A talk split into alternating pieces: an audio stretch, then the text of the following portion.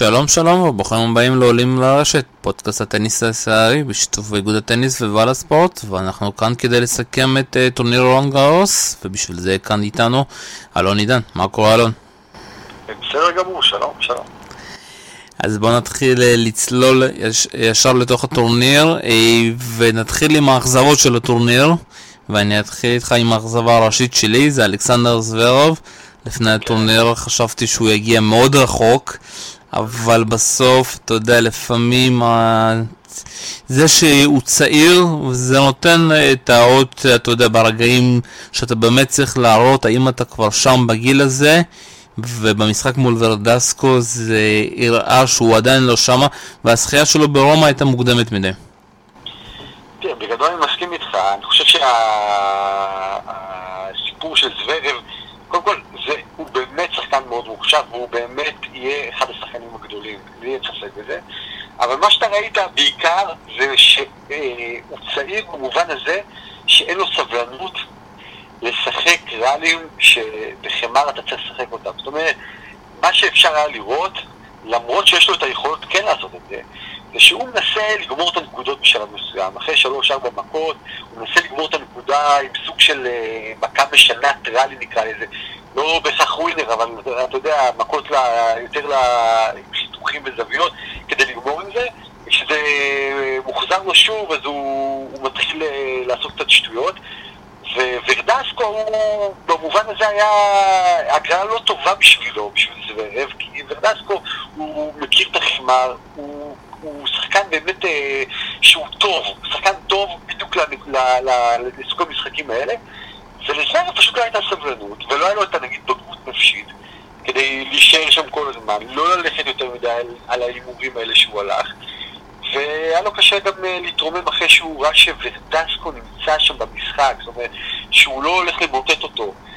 וכן, האמת כן, האמת הזכייה אה, בטורניר שלפני, באמת היא לא הייתה טובה בשבילו. הוא בא קצת, קצת, קצת אה, עם ציפיות יותר מדי גדולות, לא אגיד אה, יהיר וכולי, אני לא חושב שהוא כזה, אבל אה, אכזבה באמת גדולה, אבל אנחנו נקבל אותו, נקבל אותו, לא הייתי דואג.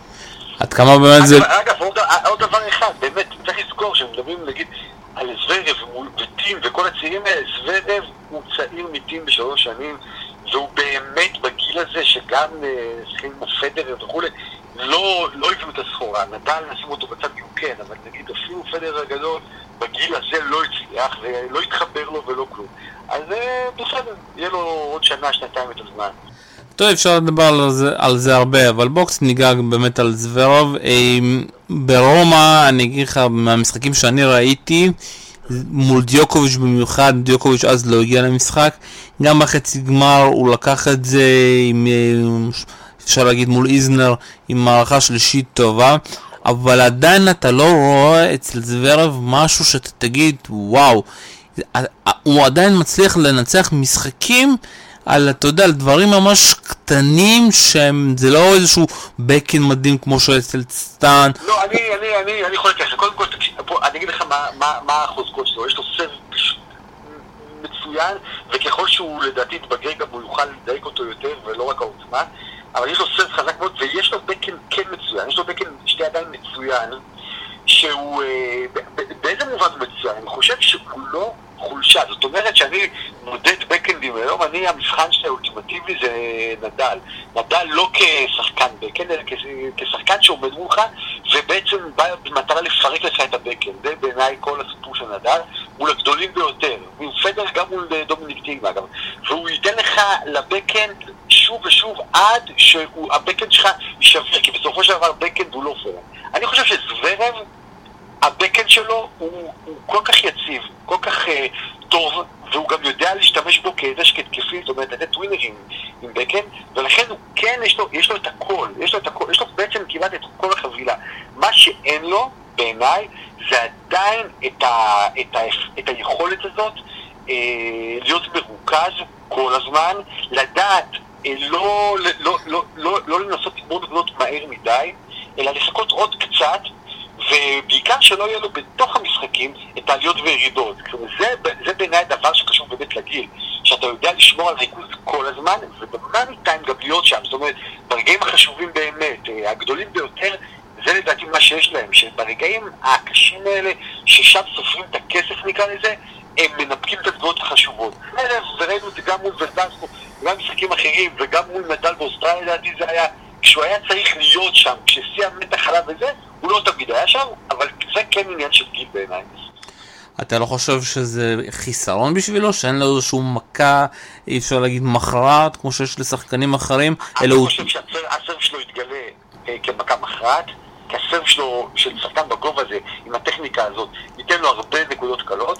אני כן חושב שהבקן שלו הוא נקודה מכרעת, לפחות במובן הזה שאי אפשר יהיה לשבת לו על הבקן, הוא תמיד תמיד יוכל להשתמש בהם בצורה אה, מאוד מאוד יציבה ומכה שהוא יכול לסמוך עליה, ואני חושב ששחקן כמו זרב צריך את הפורן שלו, בגלל שיש לו כזאת מוטת ידיים ענקית, והוא ברור לי שיש לו את הקואורדינציה כדי לעשות את הדבר, הפורן שלו יהיה חייב אה, לקבל עוד ליטוש ושיפור, משהו ש, שדומה למה שג'וקוביץ' קצת עשה בשלבים מסוימים, זו לא, לא הייתה המכה המספיק טובה שלו, ה forehand הוא קריטי, ואנחנו רואים את זה אגב, אם כבר אצל אנדי מארי, אנדי מארי בעיניי, מה שהפך אותו ברביעייה הזאת לצלע החלשה, לצלע בעצם שלא מצליחה, נאמר, לממש אולי את כל הפוטנציאל, זה, זה ב forehand לא מספיק טוב, וזה מה שזברב צריך ללמוד, שה forehand, שהיא פוטנציאל קטלנות הכי גבוה, ה forehand שלו צריך יהיה לעבור עוד ליטוש גדול מאוד. אבל לפי מה שאני מבין אותך, אתה אומר קודם כל, אנחנו משתנים בטניס, והבנייה של השחקנים חייבת לבוא קודם כל מבחינה הגנתית. קודם כל שהכלים שלך, פורן בקן, מבחינה הגנתית יתמודדו, וההתקפה פה חשובה, אבל uh, אתה יודע. אני לא בטוח, תראה, אני, אני ממש לא בטוח. אני קצת חושב שברולנד גרוס, זאת אומרת, בחמר, אין ספק שלהתקפה יש הרבה פחות משמעות מאשר ההגנה. משום ש... בגלל שגם, ה... וראינו את זה, זה אחר בגמר אפילו, וברינקה וכולי, וברינקה יכול להכות חזק ככל שהוא רוצה, אבל מגיעים לכדורים האלה, הכדור קצת נעצר ואפשר להחליק על הזה, אנחנו מכירים בדיוק מה זה חמר, זה באמת מרתון ולא ריצות קצרות, ולכן שם ההגנה מאוד חשובה. אבל במגרשים אחרים, למרות שגם את המגרשים הקשים קצת נהדו, אבל עדיין, במגרשים קשים, בטח בדשא, משחק התקפי משובח מאוד, אני חושב שעדיין יכול להביא ניצחונות, אני חושב שדור מחזירים זה שג'וקוביץ' ומרי ונדל, הוא לא בהכרח, ואפשר לראות את זה בשחקנים החדשים, הוא לא בהכרח הדבר היחיד שמסמן את העתיד של הטניס. אני כן חושב שיש מקום לשחקנים עם התקפה. אגב, זווגר הוא שחקן הגנה גם טוב, הוא לא, הוא, לא בנד... הוא לא שחקן שכל דבר מפציץ. יש לו הגנה, הוא יודע להחזיר שהוא עדיין לא תמיד הוא יודע מתי זה נקודה שבה צריך להישאר בתוכה, עד שהשחקן השני אולי יעשה טעות, ומתי זה נקודה שאתה נותן מכה, ושת... מכה או שתיים וגומר את הנקודה. זה כן סיפור של ניסיון, של היכרות עם שחקנים בסבב, של לדעת לזהות את הרגעים, את מתי, מתי הכסף מונח ואתה לא עושה שטויות. ושם כן, שם יש לו עוד הרבה מה לעבור. אבל אתה יודע, אתה יודע, אחרי השיחה שלנו אני מתחיל להבין שאולי זה הבעיה שלנו עם אה, זוורוב, שאנחנו גם כאוהדים לא מצליחים להבין איזה סוג של שחקן, הוא שחקן התקפי, הגנתי, הוא באמצע, כי שוב פעם, כמעט בכל המשחקים אתה לא רואה משהו מיוחד. לעומת ורדסקו, אתה יכול להגיד ורדסקו עם הפורנט שלו, אם הפורנט שלו נכנסת והסף שלו עובד, השחקן הזה יש לו פורנט מדהימה. כן, אבל אתה יכול להגיד את זה, אתה יודע, אני יכול לראות את זה כחיסרון דווקא, את מה שאתה אמרת עכשיו, כי באמת, ורדסקו, כשהפורן שלו נכנס, אז uh, יש לו נגיד uh, 90% ווינר, זה נכון, אבל בוא נדבר על כל השאר, שאר, שאר הדברים שלו מאוד לא יציבים, ולכן הוא לא שחקן שהגיע לרמות הגבוהות ביותר, אלא נעצר באיזשהו, נגיד, שלב אה, של uh, 20-30 בדרך כלל, לפעמים הוא היה טיפה יותר, לא משנה, ודווקא זרם, אני חושב שיש לו כמעט את הכל ברמה גבוהה. זאת אומרת, יש לו הגנה ברמה גבוהה, יש לו התקפה ברמה גבוהה, סרף ברמה גבוהה, ונגיד הוא, הוא שמונה וחצי בהרבה דברים. אז אולי אנחנו לא רואים את, את המכה הזאת, אבל מה תגיד על ג'וקוביץ'? איזה מכה היא המכה של ג'וקוביץ'? לדעתי הבקן, שהבקן אה, שלו... אבל הבקן של ג'וקוביץ', מה שטוב באמת בבקן של ג'וקוביץ', זה לא הווינרים שהוא משיג בעזרתה, הוא משיג כמובן פה שם, זה לא הווינרים, זה העובדה שזו מכה יציבה, שהוא עליה, שאתה לא יכול לתקוף אותו בבקן, ואני חושב שאת זה גם יש לזוורב. ולכן במובן הזה, זה כמו להגיד שלג'וקוביץ' אין איזה מכה שנותנת לו את זה. זוורב אומר זה דומה לג'וקוביץ', אני חושב שהסרט שלו יותר טוב מג'וקוביץ', ולכן אני חושב שהסיפור של זוורב יהיה דווקא לשפר את הפורן שלו. בואו נדבר עכשיו קצת, בואו לגבי זוורב, אתה יודע, אפשר להסכים איתך, אבל אני חושב שבמיוחד בדשא יהיה מאוד מעניין לראות אותו, כי שנה שעברה הוא הצליח, ואפילו ניצח את פדרר, ויהיה מעניין השנה איך הוא השנה ישתלב ב... מאוד מעניין.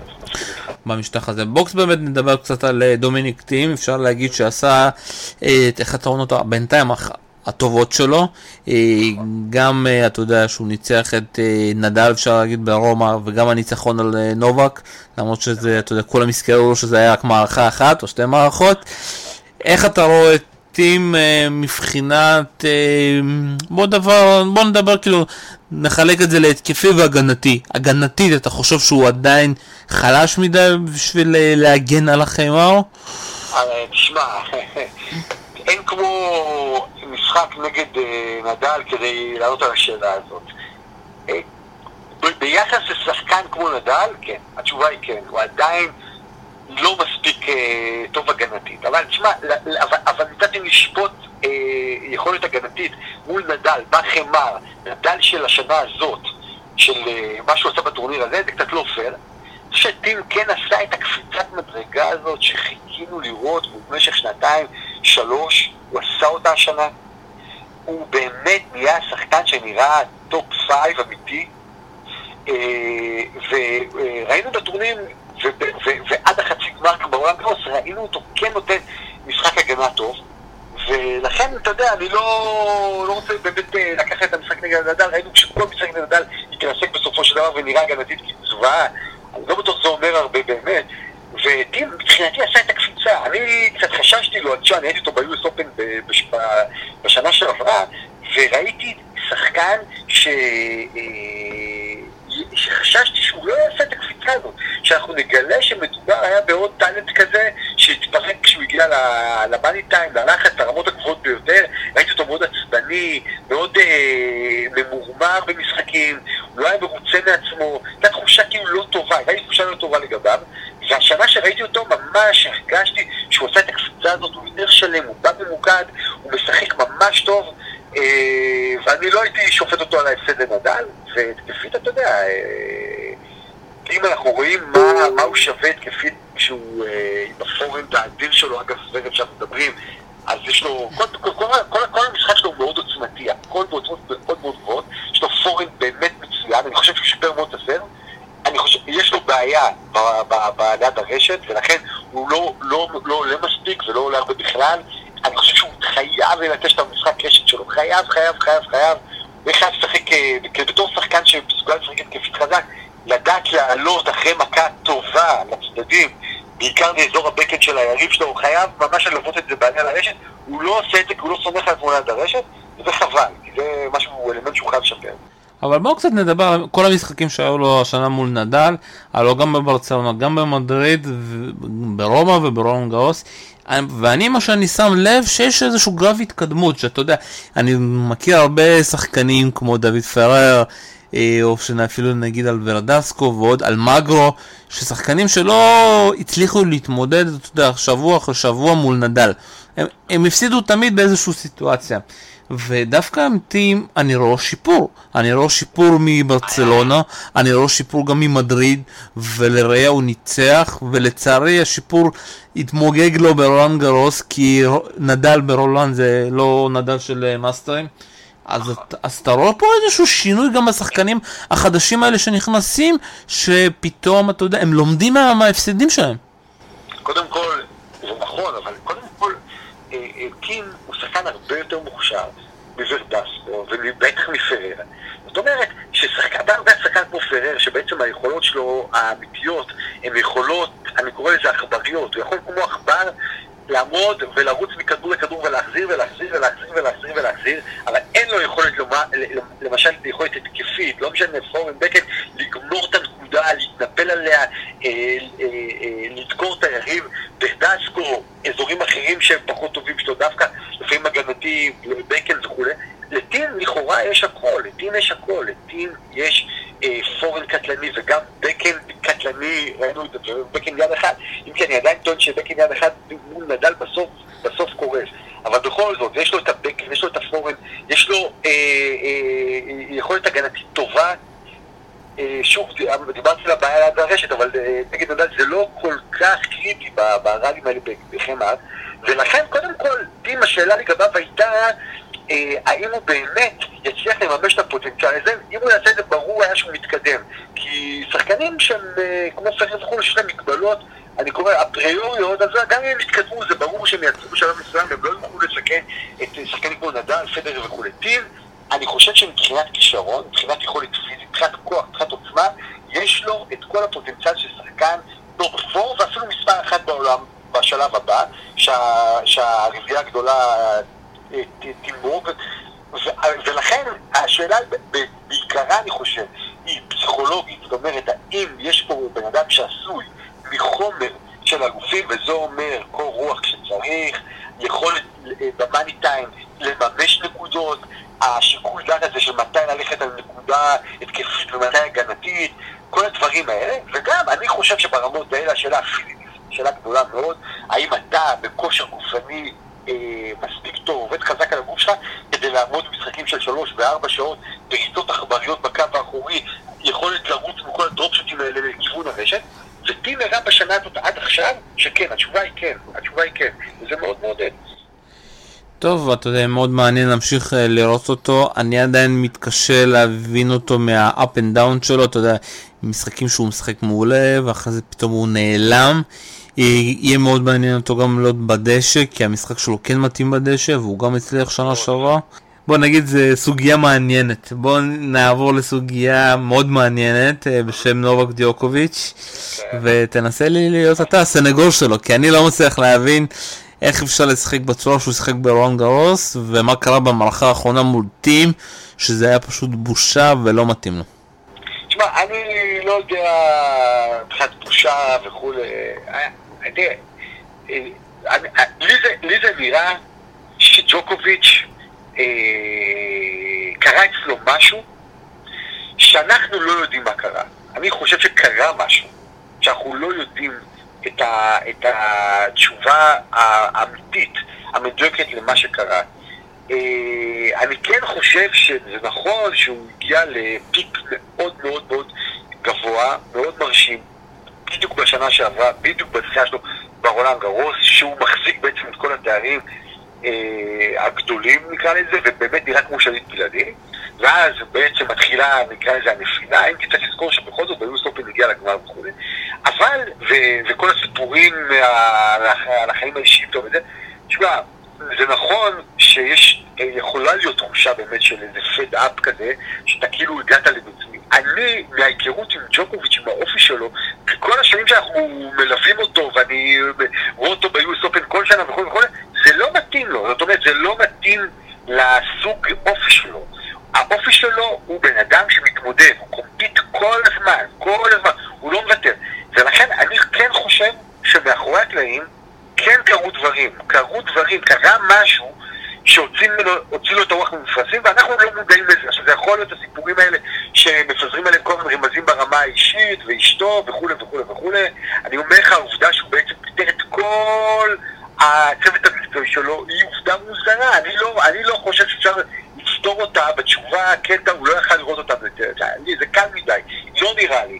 אני חושב שהיה שם איזה משהו שבסופו של דבר אנחנו לא מודעים לו.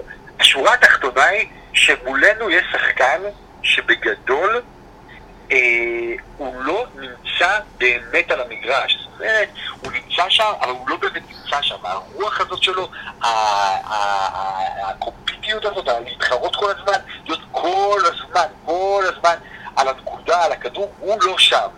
ולכן אני, תשמע, אני לא שופט את זה שבמערכה אה, שלישית נגד טים, כשהוא הוציא את השתיים הראשונות, לקראת הראשונה שהייתה אכזרית מבחינתו, הוא בא ואומר, אתם יודעים מה, fuck, אני לא יכול יותר, לא יכול, לא רוצה לראות את זה יותר, לא רוצה, רק רוצה ללכת, לקום וללכת מפה. אה, אתה יודע, יש, יש רגעים כאלה בחיים, בן אדם בא ואומר, טוב, די, נמאס לי. לא שופט אותו על החלק הזה. אבל כן, אה, מבחינת דרמה, מבחינת סיפור, זה די... אה, אה, לא אגיד זה מדהים, אבל זה באמת מעורר לראות כזה דבר קורה.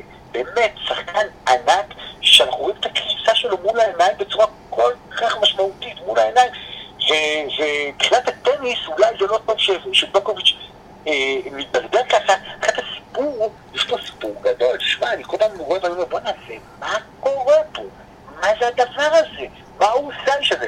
אני מבחינתי יותר משפיל מההפסד שלו לטים, זה ההפסד שלו לנדל, וזה רומא היה, מאיפה זה היה, שהוא הפסיד ב-6-4-6-2, בצורה כזאת כמעט מעליבה, שנדל מגיע ומטאטא אותו, ובמשחק כזה מול נדל, שאתה, אני בטוח שג'וקוביץ' אומר, טוב, טוב, טוב, פה אני חייב להתרכז, זה לא כל מיני טים וכל מיני כאלה, זה היריב, היריב שלי, ואתה רואה אותו לא מסוגל לעמוד מולו בכלל, וזה דבר שבאמת הוא, הוא יוצא דופן מבחינתנו. מעניין, אותי מעניין לראות, אה, תמיד הדברים האלה מתגלים ברבות השנים, זאת אומרת, שחקנים פורשים, בדיעבד, כותבים פתאום ספר, או שזה עיתונאי שהיה פתאום מוציא את זה. מה קרה ב-2016, בסביבות מאי-יולי, שפתאום היה כל כך דרמטי? האם זה באמת הסיפור הזה שמספרים עם אשתו וכולי וכולי וכולי, אני לא יודע אם זה נכון, לא יודע, כל הזמן זה הכל בגדר שמות, מה קרה שם? אבל אני חושב שמשהו קרה שם.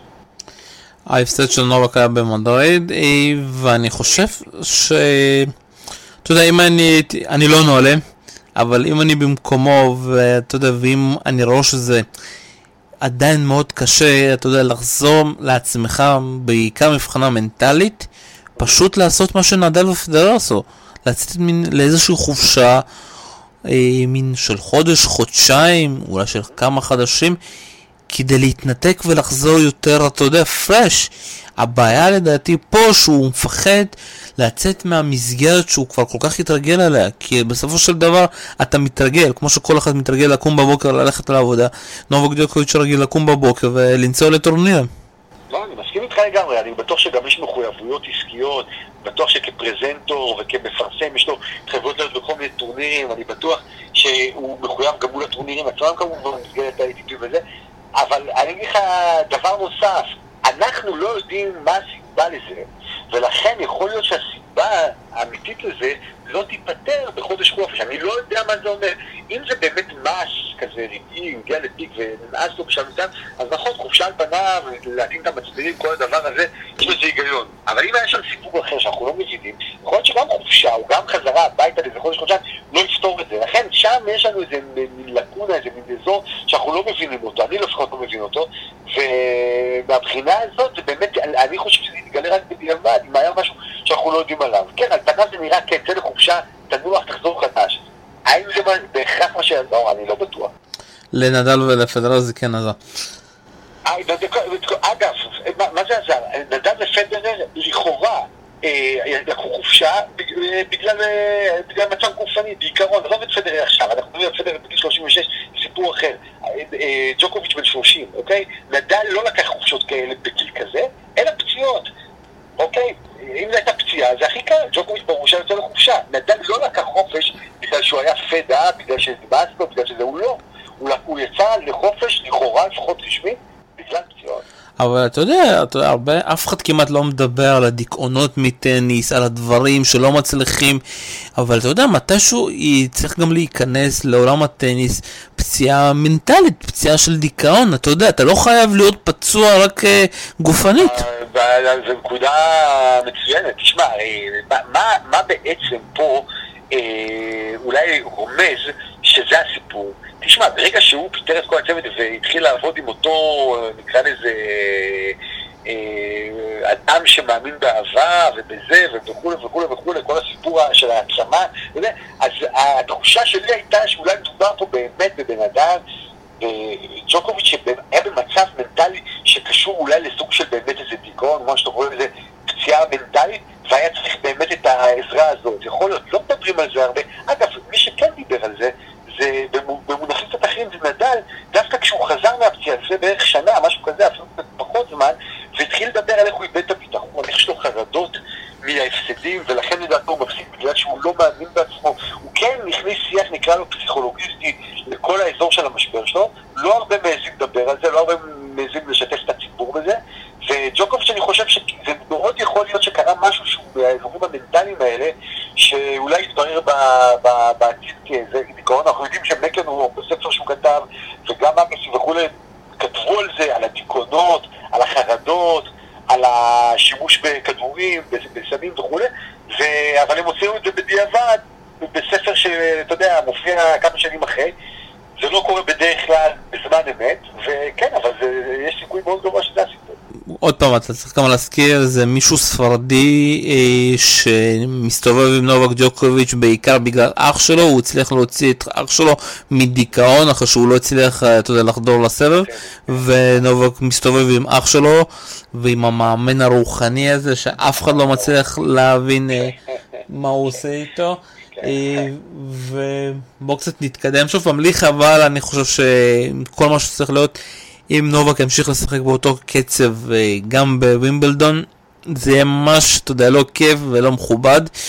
ובואו נדבר על השחקן שהגיע לגמר, וזה לא רפאל נדל, סטן וברנינקה.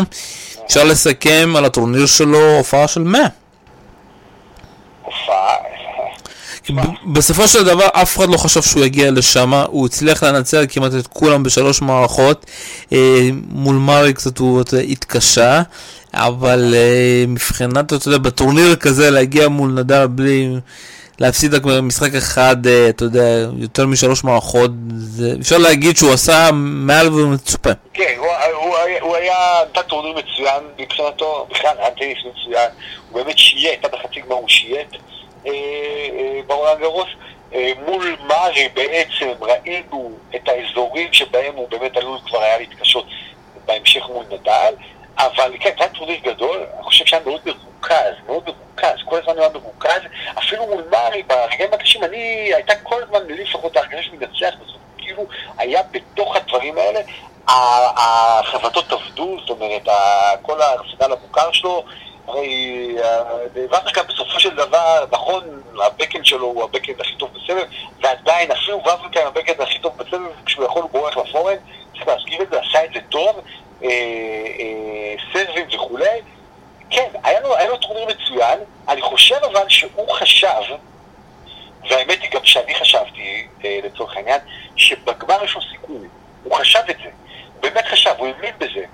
ולכן אולי הדבר היחיד שצריך להגיד זה שהגמר מבחינתו היה אנטי-קליימקס אה, מאוד מאוד מפתיע. זאת אומרת, הוא לא חשב, אני בטוח שזה ייגבר ככה כמו שזה נגמר, זה באמת עמד בניגוד לכל התהליך, לכל התהליך ש, שהיה בטורניר עצמו, ואני חושב שהוא כן מאוחזר רק בהופעה שלו בגמר, אבל כל שאר הטורניר היה מצוין, כן. אבל אני חושב שהוא גם, אף אחד כמעט לא הצליח להגיע מוכן מול נדל ואתה יודע, מעניין מאוד איך אה, נדל באמת, אה, והמאמנים שלו, קרלוס מאו ובן דוד שלו עשו את ההכנות מול סטן בגמר, סטן לא קיבל שום כדור נוח, כל כדור זז מצד אחד. אני לא זוכר את סטן רץ כל כך הרבה. אה, אתה יודע, אבל אתה יודע משהו, אני לא ראיתי שום הבדל במשחק בגמר של נדל ואברינקה לבין כל משחק אחר של נדל בטורניר הזה. זאת אומרת, במקרה הזה זה היה ואברינקה. אבל בכל משחק של נדל בטורניר, זה היה נראה כמו שחקן שנמצא בערך שלוש דרגות מעל היריב שלו, בכל מובן שהוא. זאת אומרת, הכדורים של נדל, באופן עקרוני, הולכים לצדדים, לפינות, הוא מריץ אותך מצד לצד, הוא כמובן מגיע לכדורים. בעיקר, מה שהיה מאוד מאוד ברור, זה שהעוצמות שלו חזרו. זאת אומרת, אה, כמעט כל חזתה בכוח, הוא מאוד שיפר, שזה מוזר לומר לשחקן בגיל 31, הבקן שלו היה טוב מאוד, מאוד יציב, מאוד הוא לאט שהוא, לאט שהוא כיוון אותו, ולי, ההופעה של נדל ברולנד גרוס, היא הייתה, אני אגיד את זה, מוזרה. פשוט מוזרה. אני דווקא לא חושב על נדבר על נדל עוד מעט. אני חושב שסתם כאילו, אתה יודע, הופתע זה, כמו שאתה אמרת, מהרמה שלו, וגם מהמשחקים הקודמים שלהם, במשחקים הקודמים נדל לא היה ברמה כזאתי, וכשאתה מגיע פתאום, ולמרות שראית, עד שאתה לא נמצא במגרש מול נדל, ואתה לא רואה שהכדור פשוט זז לך מצד לצד, וזה די מפתיע. מצד שני, גם הסרבים של סטאן לא כל כך הצליח, הוא לא הצליח בכלל נכון, להוציא נכון, נקודות נכון, קלות נכון, מהסף, שזה נכון, די מוזר. נכון, נכון, נכון. האחוז, אה, הוא לא הצליח להוציא הרבה נקודות מהסר. אבל אני אומר לך, אני שם כל אני שם פה כל כוכבית. אני, הטענה שלי, אתה אולי לא מסכים, אה, סטן גם התחיל את המשחק אפילו טוב, אבל כל השחקנים ששיחקו מול נדל בטורניר הזה, אני חושב, אה, לא היה להם שום סיכוי. שום סיכוי. אפילו קטן שבקטנים.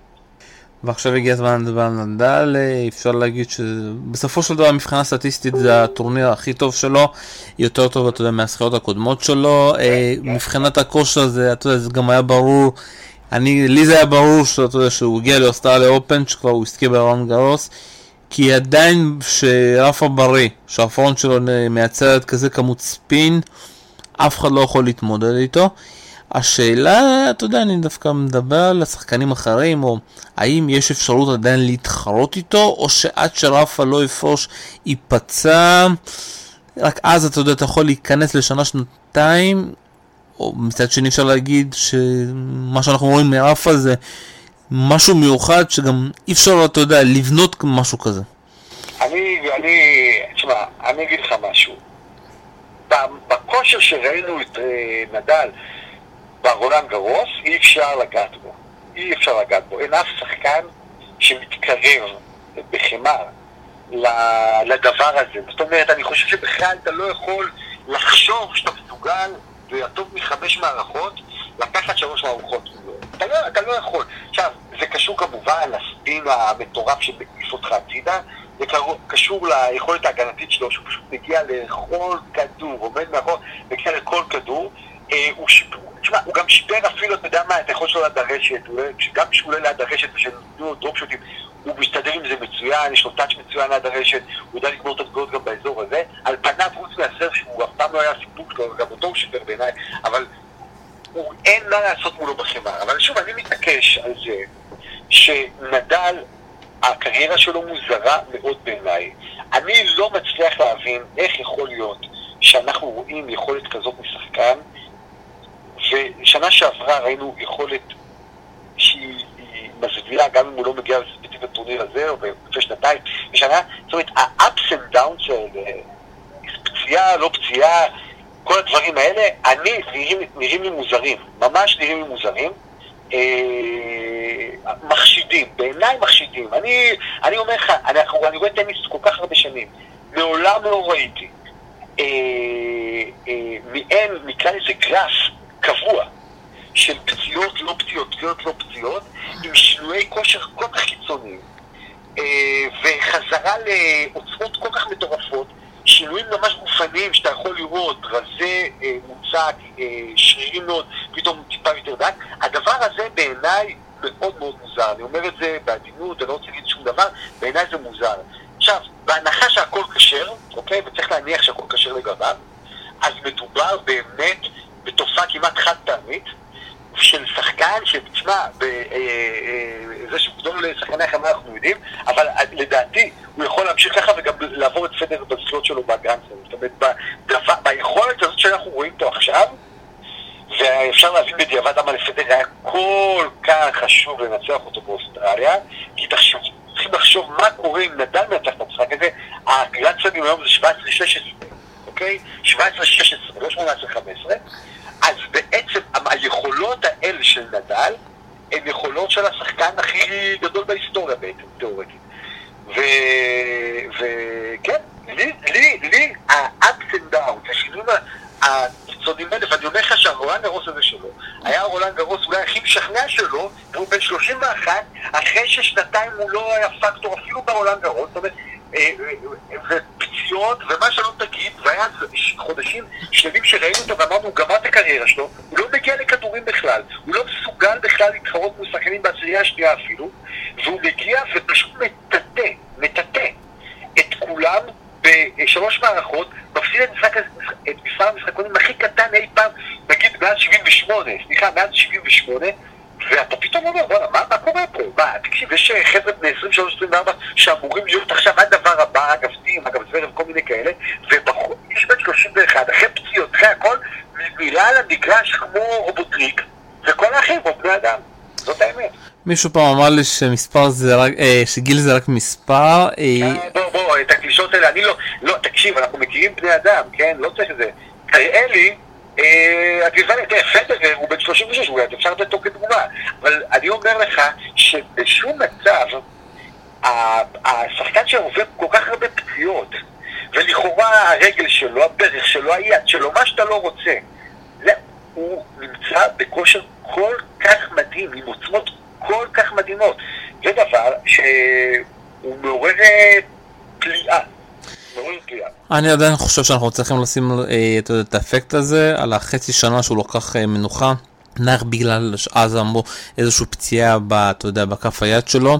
כן. יכול להיות שמה, הוא, הוא עשה שם תהליכים, יכול להיות שגם העבר של אה, קרלוס מויה באמת שינתה משהו, אנחנו, כמו שאתה אומר, אנחנו לא נדע, נכון, זה היה טורניר אה, אלוהי, אבל אני תמיד אומר, גם כשנדל שיחק קרב, במיוחד אני נותן לך את המשחק באולימפיאדה, זה תמיד, אה, אצל נדל זה מתחיל מהרגליים. אם הרגליים שלו זזות, הוא מנצח. אם הרגליים שלו לא זזות, הוא מפסיד, וזה לא תלוי בשום דבר. אנחנו ראינו את נדל הפעם עם רגליים לא ב-100%, ב-200%. וכשהבן אדם מגיע ב-200% עם עבודות הרגליים שלו, לצערי, אתה יודע, אתה לא יכול להתמודד איתו, ולאנשים זה לא נתפס, גם לי לא נתפס, גם לך לא נתפס, אבל אני, אני גם לא אופתע אם... אני מקבל את כל הניתוח שלך, אוקיי? את כל הניתוח שלך אני מקבל, ואני כן מסכים שהסיפור שלו זה הרגליים שלו, למרות שגם החלק גוף העליון והשרירים בידיים שהם שרירים, אתה יודע, יוצאי דופן לטניסאי, במבנה שלהם, זה שרירים שמתגף יותר משל טניסאי, שרירים קצרים כאלה. אה, אה, אז אני עדיין מסכים שזה באמת ה- האזור אצלו החשוב הוא הרגליים, ועדיין, אחרי כל מה שאתה אומר, אני אומר, ובזהירות, ואני אחזור על זה שוב ושוב, הקריירה שלו בעיניי מאוד מאוד מוזרה.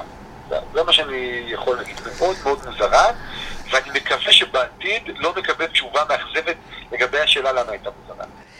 אז אני כבר מבטיח לך, אנחנו נעשה עוד פודקאסט ועוד כמה שנים, במידה וייצא איזשהו ספר. בוא קצת נדבר על... אה, ממש בקטנה, אתה יודע, דיברנו על הרבה על נדל, בוא קצת נדבר על הטניס הנשים, שהוא תמיד הפתעה, ומה אתה חושב על אוסטפנקו? תשמע, אני אגיד לך מה אני חושב. אה, אוס- אוסטפנקו היא, איזה אה, נגיד, אה, נראית על פניו כמו איזה מין קרן אור באפלה, אוקיי? קרן אור באפלה, שהוא טניס הנשים היום. ו, ואני אומר לך, אחי היה ברולנד רוס, הלך וביקר שם, אוקיי? הוא היה בחצי גמר ובגמר. והוא התפלא, הוא לא עולה, אני כל שנה נמצא בטו- ב- ביוס אופן, והוא לא הולך הרבה, וכשהוא הגיע לחצי גמר של אנשים, הוא אמר לי, בואנה, לא מלא חצי רקטור, כן, מה, מה קורה? ואותי זה לא כל כך הפתיע. אה, אה, אה, זו תקופה, אני חושב שנמצאים שני הצערים בצד, אגדה שנמצאת שם ומשחקת. אה, כל שאר טניס הנשים זה, אה, זה מעין טיסה אפרורית חסרת איחוד, שהיא היא, היא פשוט לא מעניינת באופן כללי כמשחק טניס.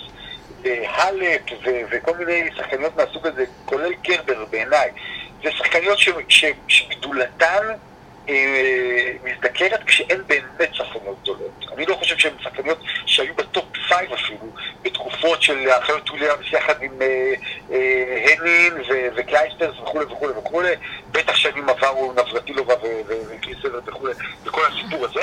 ובמובן הזה אוסטפנקו, למה אני אומר שקרן אור? כי הטניס שלה היה כמובן לא מלוטש, המון שטויות, המון זה, אבל יש שם חבטות התקפיות שאין לראות כמו משהו רענן ומעניין. זאת אומרת, כשראית אותה מול האלפ, שחקנית הגנתית, שבעצם מחזירה כל כדור, בלי עוצמות יותר מדי גדולות. אתה רואה שראית את ההבדל בעצם בעוצמה של החבטה של בין אוסטפנקו להלפ, וראית שאוסטפנקו מכה, אני הייתי אומר את זה, אה, אה, כמו שאמרו, פורן יותר חזק מיאנדי מרי, אוקיי? זאת אומרת, ראית סוף סוף איזה מין טניס התקפי שהולך על הקווים, שמנסה לגמור נקודות, שמנסה כאילו לנצח, לא לא להפסיד, כן? כמו רטוונסקה, הלפ, כן?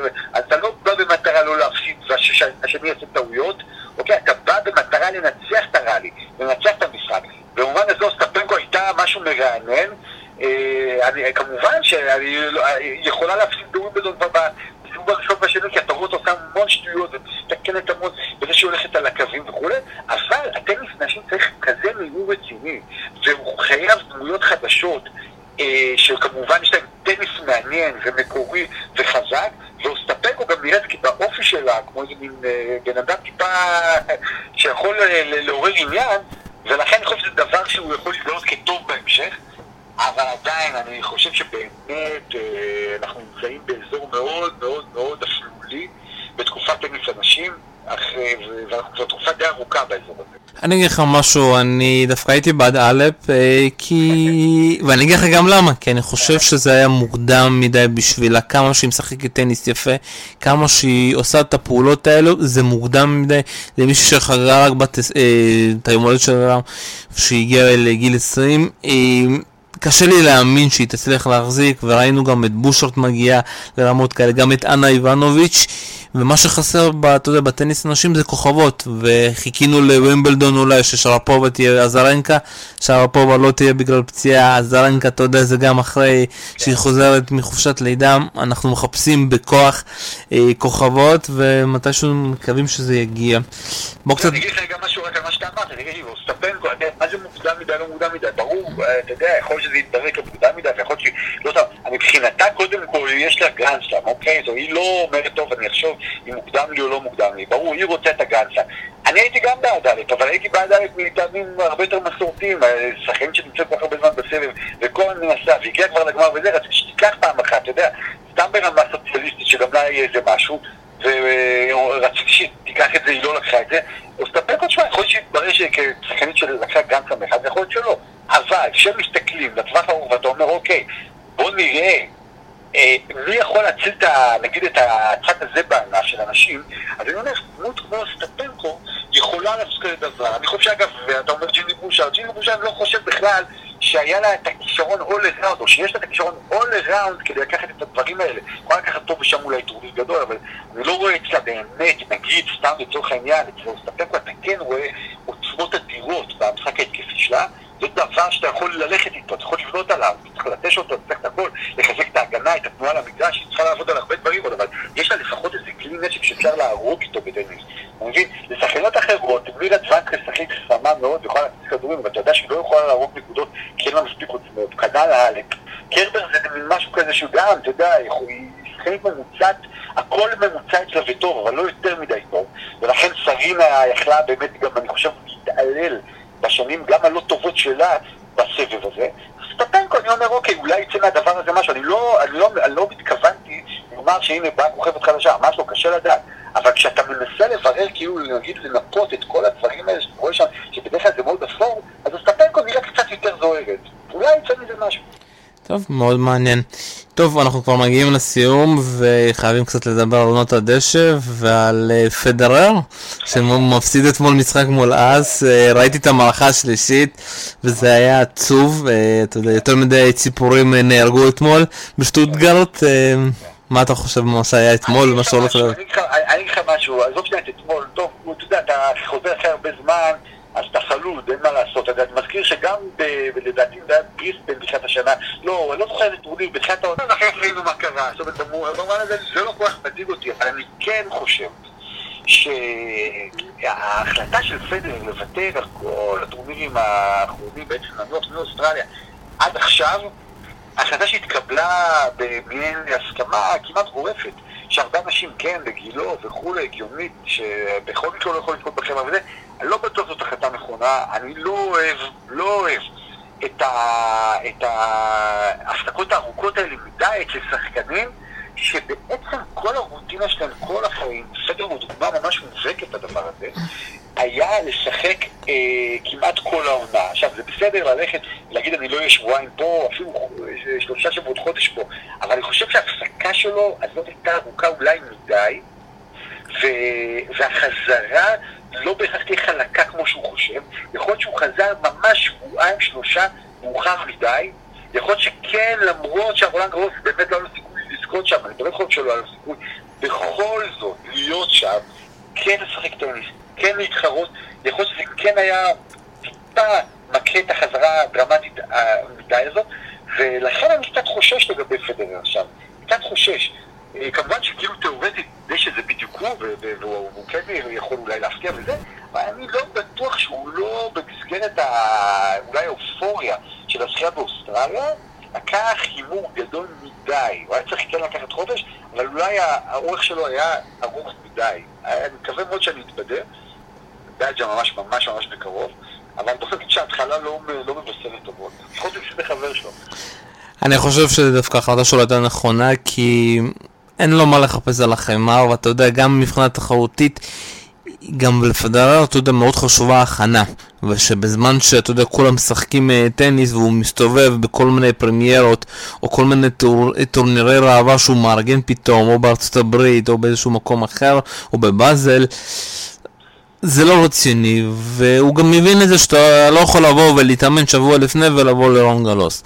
השאלה, אתה יודע, מה הוא עשה בזמן הזה? יכול להיות שהוא בכלל לא שיחק טניס. אה, הצורה שהוא היה חלוד אתמול, אתה יודע, קצת אה, לא הזכיר את השחקן שזכה, אתה יודע, במה שהוא זכה בתחילת השנה. אז אותי זה, זה בעיקר מה שהפתיע אותי, החלודה המפתיעה הזאת. אני אומר לך שגם כשאתה, גם אם הוא מתאמן בפגרה הזאת וכולי וכולי, זה לא כמו לשחק. בסופו של דבר זה לא כמו לשחק, אני בטוח גם ש... בסדר, הוא לא ידוע כאיזה מין אה, מתאמן גדול מדי, זה לא, זה לא נדל במובן הזה, שבאמת יכול לקרוא את עצמו במשך חודשיים כדי לבוא מוכן. הוא דיבר הרבה פדר על זה שהוא לא מהמתאמנים הגדולים האלה.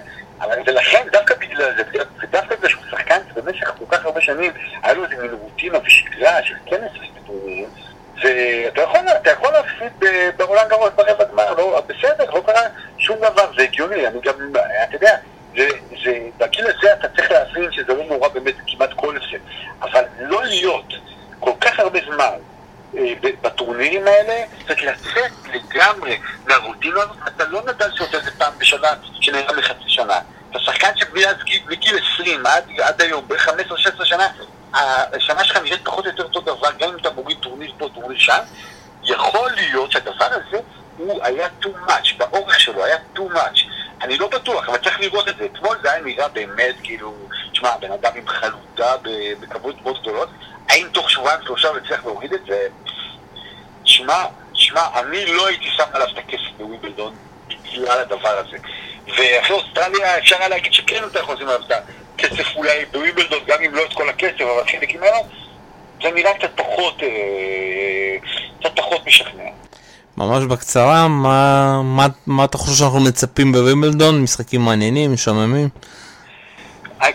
קודם כל תמיד זה מעניין, אני חושב שכאילו מה שמעניין השנה בווימבלדון זה שלכאורה, לכאורה אין פיבוריט, זאת אומרת אין שחקן שאתה יכול להגיד שמע הוא הפיבוריט של המשחק כי עם כל הכבוד ג'וקוביץ' דיברנו על איך שהוא נראה אה, נדל נראה מצוין אבל נדל יודע אנחנו זוכרים ועדיין מצחיק על החמר שזה הסיפור שלו אה, ודשא זה לא המקום שלו אנחנו זוכרים כמובן שהוא כן זכה שם כולל משחק המאה או מה שזה לא יהיה, עדיין נדל זה לא, לכאורה לא, לא, לא המקום הטבעי שלו לזכות.